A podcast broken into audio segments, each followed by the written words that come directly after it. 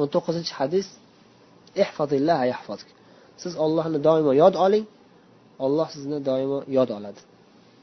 Ya'ni doimo o'zi saqlaydi degani. Bu hadis abdulloh ibn abbos roziyallohu anhudan rivoyat qilinadi. U kishi aytadilarki bir kuni rasululloh sollallohu alayhi vasallamning orqalarida edim. Ya'ni ba'zi bir rivoyatlarda radifan nabiy rasululloh sollallohu alayhi vasallam bitta hayvonga birga mingandik. Rasululloh sollallohu alayhi vasallamga mengashgan holatimda rasululloh sollallohu alayhi vasallam orqalarida o'tirib ketayotgan edim. Yo'lda ketayotib payg'ambarimiz sollallohu alayhi vasallam ibn abbosga vasiyat qilib nasihat qilib ketyaptilarda. Vaqtdan foydalanib vaqtni g'animat bilib tarbiya berib ketyaptilar. Yo'lda bekorchi gaplar bilan ketmayaptilar. Vaqt juda qimmatbaho narsa. Shuni g'animat bilish kerak. Mana shuni o'rganamiz. Payg'ambarimiz sollallohu alayhi vasallamdan. Shu hayvon ustiga tuyaga minib ketayotganlarida ham vaqtni g'animat bilardilar. Nasihat qilib aytyaptilarki ya g'ulam ey bolaginam yoki shunga o'xshagan ma'no inni uallimuka kalimat. Men senga bir necha kalimalarni o'rgataman. Bir necha so'zlarni aytib o'rgataman. Birinchisi nima? Yahfazk. Sen ollohni doimo yod olgin olloh seni doimo saqlaydi. O'z hifzi himoyasida olloh seni asraydi. Tajidhu tujahak. Sen doimo ollohni yod olib yursang tajidhu tujahak. Sen doimo ana shunda alloh taoloni o'zingni oldingda topasan. Oldingda topasan degani ko'rasan degani emasku. Ya'ni allohning yordami kelib turadi senga doim. Doimo ollohni madadi marhamati senga yog'ilib turganini o'zing ko'rasan. Asoratlarini o'zing hayotingda ko'rib turasan. Keyin yana nasihat qilib fasalillah. Biron bir narsa so'ramoqchi bo'lsang ollohdan so'ragin. ollohga iltijo qilganda ollohdan so'ragin agar nimadir ishga qandaydir bir ishga yordam so'ramoqchi bo'lsang ollohdan yordam so'ragin dedilar keyin yana eng asosiy nasihatga o'tyaptilarda aytyaptilarki wa'lam annal ummata law ijtama'at على أن ينفعوك بشيء لم ينفعوك إلا بشيء إلا بشيء قد كتبه الله لك sen shuni yaxshi bilginki to'la ishonch hosil qilginki qalbing bilan. Butun ummat ya'ni butun dunyo butun olam butun insonlar hammasi hammalari jamlanib birgalashib harakat qilishsaki nimaga harakat qilishsa? Senga biror bir narsa bilan yordam beramiz deb harakat qilishsa hech narsa bilan ular yordam berisha olmaydi senga magaram alloh taolo agar taqdirda senga shuni bu shu yordam tegadi deb yozgan bo'lsa ana shu narsa bilangina senga yordam berishlari mumkin. Ana shu narsa bilangina senga yordamlari tegishi mumkin. Butun dunyo senga harakat qilib yordam beraman desa ham ollohni taqdiridan chiqib ketolmaydi. Olloh taqdirda yozgan bo'lsa bo'ladi. O'sha narsa senga nasib qiladi. Bo'lmasam yo'q deyaptilar. Buning aksini ham aytyaptilarda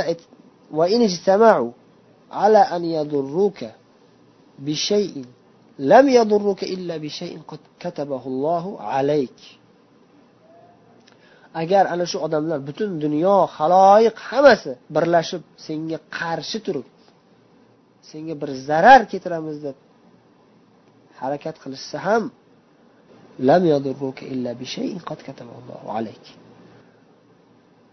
hech narsa zarar keltirisha olmaydi demadilar Mutlaq aytmadilar. Zarar keltirishlari mumkin. Faqatgina olloh yozgan bo'lsa. Olloh taqdirda senga bir musibat tushishini yozgan bo'lsa ana shu musibat tushadi baribir ya'ni. Odamlar hammasi birgalashib senga bir zarar keltiramiz deyishsa zarar keltirisholmaydi magaram olloh taqdir qilgan darajada bo'ladi. Olloh taqdirda yozgan zarar keltirishadi. Boshqa zarar keltirisholmaydi qalamlar sahifalardan ko'tarildi uzildi. Sahifalarga yozilayotgan qalamlar allaqachon sahifalardan ko'tarib bo'lindi. Yozish to'xtagan.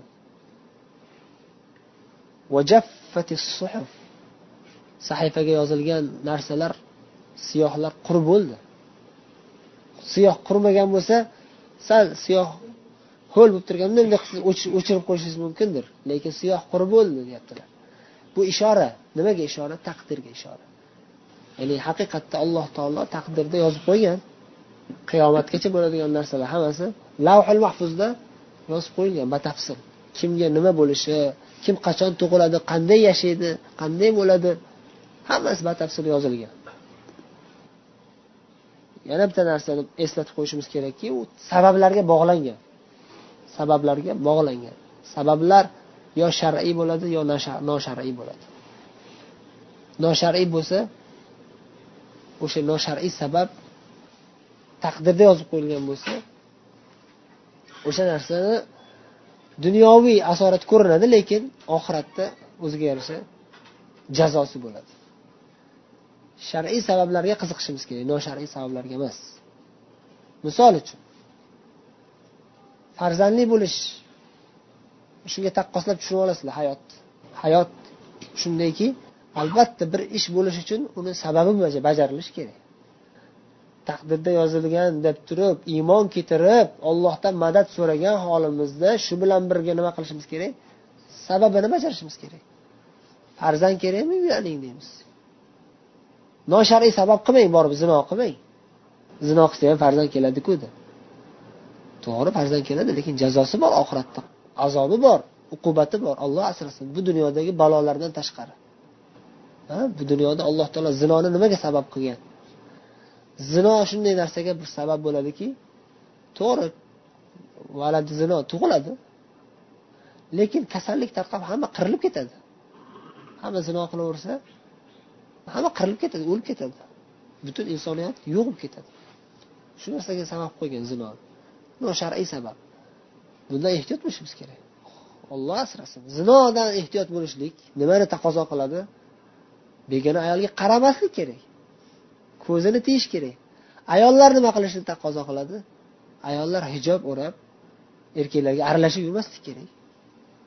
Hamma narsa sababga bog'langan. Shar'iy sabablarni bajarishimiz kerak.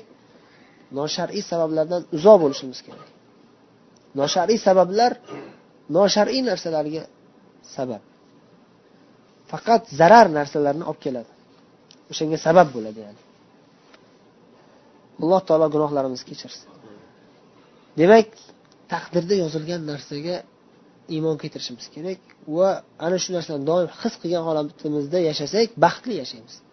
Tasavvur qiling siz rosa harakat qilib rosa tijorat qildingiz olloh uchun halol mehnat bilan pul topdizu bir ollohni biz bilmagan bir hikmati taqozosi bo'lib hamma pullaringiz kuyib ketdi o'g'irlanib ketdi yonib ketdi bir narsa bo'ldida kambag'al bo'lib qoldingiz mana shu yerda taqdirga iymon keltirgan odam bilan taqdirga iymon keltirmagan odamni farqi shu dunyoda ham bir ko'rinishini ko'rsatadi.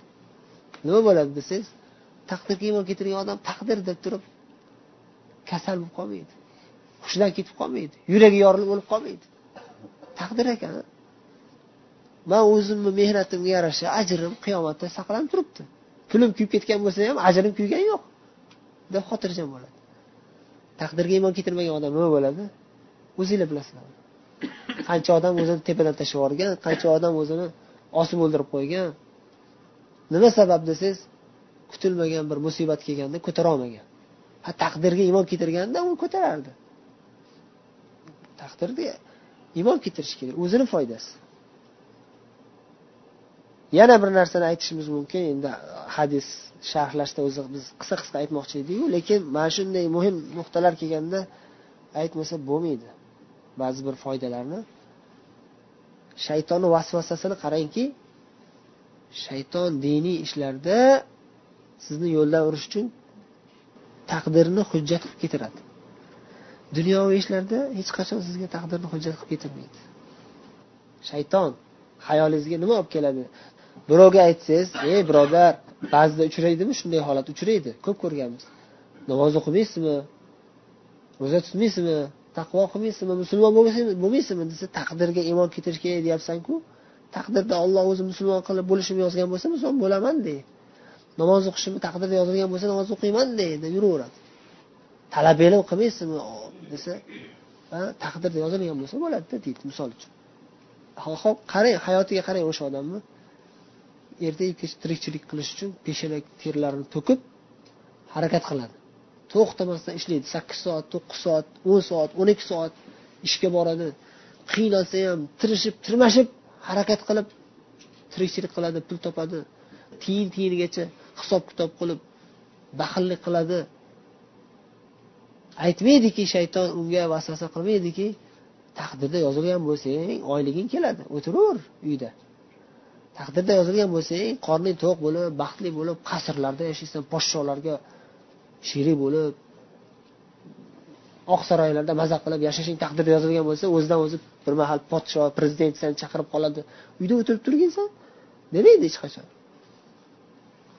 Bu bu narsada bu borada taqdir gapirmaydi hech kim taqdir hay peshona teri bilan topish kerak odam. O'zingni kelajagingni o'zing hal qilasan deb qo'yadi bunaqa paytda. Namoz o'qigin desa taqdirga burib yuboradi taqdir bo'lsa o'qiymiz bo'lmasam yo'q deydi yuraveradi. Mana shu narsani o'zi ochiqdan ochiq ko'rinib turibdiki islom dini haq din. Islom dini haq din bo'lganligi uchun shayton mana shunday vasvasa qilib yo'ldan urishga harakat qiladi. U bir misol. Hadisun hasanun sahih dedilar termiziy rivoyat qilib. Qo'shimcha ma'nolari ham kelgan ba'zi bir rivoyatlarda o'shani imom navaviy zikr qilib aytyaptilarki yana ba'zi bir termiziydan boshqa imomlar rivoyat qilgan rivoyatda hadisni davomida keladiki ollohni doimo yod saqlagin oldingda topasan ya'ni doimo ollohni madadlari kelayotganini marhamatlari yog'ilayotganini ko'rib sezasan dedilarda keyin aytdilarki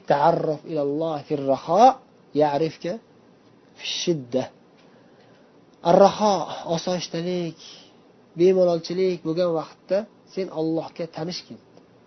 Allohga tanishgin degani nima degani? Allohga ko'p bog'lanib turgin. Ibodatlaringni mustahkam qilgin. Doim allohga iltijo qilib turgin. Nimaga desangiz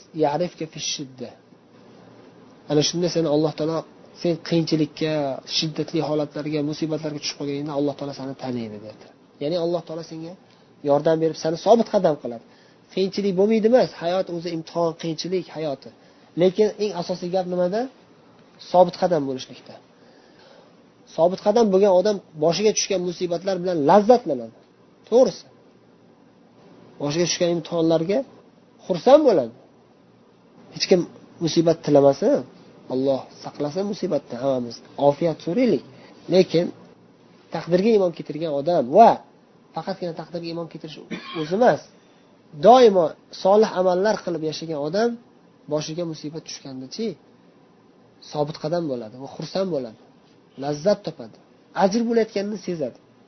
Mana shu musibat keldi shunga sabr qilyapman menga ajr yozilyapti darajam oshyapti dunyoda ham menga shu oqibatidan shu musibatni orqasidan yaxshilar keladi.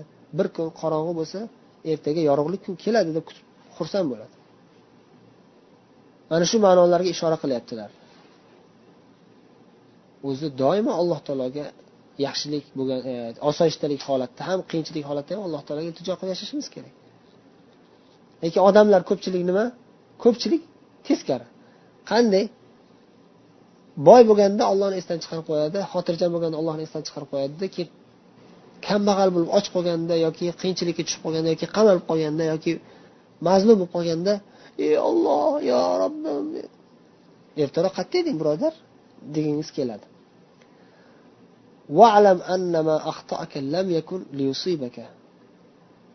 Yana shuni bilginki bu ham taqdirga iymon keltirish yuqoridagi hadis yuqoridagi ma'noni boshqacha ibora bilan ifodalayaptilar. Senga tegmay qolgan narsa hech qachon senga tegmaydi baribir. Lam yakun senga tegmas edi baribir. Senga tegmasdan o'tib ketdi nimadir narsa. Baribir tegmaydi. O'sha narsa taqdirda yozilmaganligi uchun tegmadi. Xoh yaxshilik bo'lsin xoh yomonlik bo'lsin. Yomonlik masalan hozir mana qarayapsizlar bitta qurilishlar bo'lyapti misol uchun yoki baland baland imoratlarni tagidan o'tyapsizlar. Shunday ketayotgandingiz tepadan bir narsa taraq tushdi sizga tegmay qoldi. Agar tekkanda o'lardingiz boshingiz yorilardi bir narsa bo'lardi. Sizga tegmay qoldi shu narsa baribir sizga tegmas edi chunki taqdirda yozilmagan edi shuni biling yomonlik misoli. Yaxshilik misoli xuftondan keyin bir odam sizlarni chaqiruvdi kelinglar deb kimdir uxlab qolib bormadi. Haligi chaqirgan odam oldiga borganda hammaga sovg'a qildi. Keyin haligi uxlab qolgan odam kech qolib e kech qolibman deb borsa hech narsa qolmagan. Tegmay qoldi nima bo'ladi? Tegmas edi baribir. O'sha narsa yozilmagan edi sanga nasibing yo'q ekan. Nimaga siqilasan birodar? Siqilmaslik kerak. Nasib bo'lmagan bo'lsa bo'lmaydi. Yugurganniki emas buyurganniki deb qo'yadiku o'zbeklar ham islomdan olishganda taqdirda yozilgan bo'lsa bo'ladi bo'lmasa bo'lmaydi. Siz boshingizga tushgan musibat yoki biron bir yaxshilik lam yakun sizga tegmasdan qolmas edi sizdan adashib ketib qolmas edi yo'qtiak degani sizdan adashib ketib qolmas edi siz boshingizga tushgan narsa baribir o'sha narsa bo'lardi shu narsa. Taqdirda yozilgan edi. Sizga boshingizga tushgan narsa sizdan adashib boshqa yoqqa ketib qolmas edi baribir. O'sha narsa sizga boshingizga tushardi degan ma'noda. Xoh yaxshilik bo'lsin xoh yomonlik. Yana bir misol keltirib shu narsaga bir uyqinglarni ochaylik desak aytamizki bir qizni yaxshi ko'rib qolib o'shanga sovchi qo'yuvdingiz uylanaman deb sizdan oldin bir chiroyli yigit kelib qolib o'sha qiz o'sha yigitga tegib ketib qoldi. Siz attang deb sal kech qoldimda bir kun ertaroq borganimda manga tegardi deb siqilib yotmang. U qiz baribir sizga tegmas sizga nasib bo'lmasin. Bir misol ya'ni. Uyqinglarni qochiraylik yana shuni bilginki nusrat g'alaba sabr bilan bo'ladi. Ya'ni yana shuni yaxshi bilginki nusrat g'alaba topish g'alaba qozonish sabr bilan bo'ladi. Sabr qilgin g'alaba keladi. Shoshilmagin. Nuh alayhissalom to'qqiz yuz ellik yil sabr qildilar. oxiri g'alaba nusrat keldi kofirlar to'fonda cho'ktirib yuborildi nuh alayhissalom va u kishiga iymon keltirganlar kemada salomat saqlanib g'alaba qozonishdi واعلم أن النصر مع الصبر وأن الفرج مع الكرب ونجاة musibatdan keyin keladi musibat karb karb bir musibat ya'ni musibatdan keyin albatta faraj yengillik degani yengillik najot baribir keladi inshaalloh. Dedilar. Keyin yana oxirida aytdilarki va anna ma'al usri yusron. Va anna ma'al usri yusron. Qiyinchilik bilan birga albatta yengillik ham bo'ladi. Qiyinchilik bilan birga albatta bugun peshona terlaringizni to'kib qiynalib rizq topib bola chaqangizni boqaman deb harakat qilsangiz ertaga bola chaqalaringiz katta bo'lganda inshaalloh sizga xizmat qiladi. Yengillik keladi. Dam olib o'tirasiz. Bu dunyoni o'zida ham aytyaptilarda ya'ni faqatgina jannatda bizni qiyinchilik siz hayotimiz. Bu dunyoda hech qachon yaxshilik tinchlik xotirjamlik osoyishtalik kelmaydi emas. Keladi inshaalloh. Bu dunyoda ham keladi. Faqat biz sabr qilishimiz kerak. Nusrat g'alaba sabr bilan musibatdan keyin yengillik keladi qiyinchilikdan keyin osonlik keladi. Demak bu hadisdan ana shunday ulug' buyuk chuqur ma'noli foydalarni o'rgandik. Alloh taolo amal qilishlikni ham solih amal qilishlikni yaxshi amal qilishlikni ham alloh taolo o'zi nasib qilsin. Bu hadisning qisqacha ma'nosi va sharhi mana shunday. Endi hadisi sharifning arabcha matniga yana bir bor quloq solamiz. عن أبي العباس عبد الله بن عباس رضي الله عنهما قال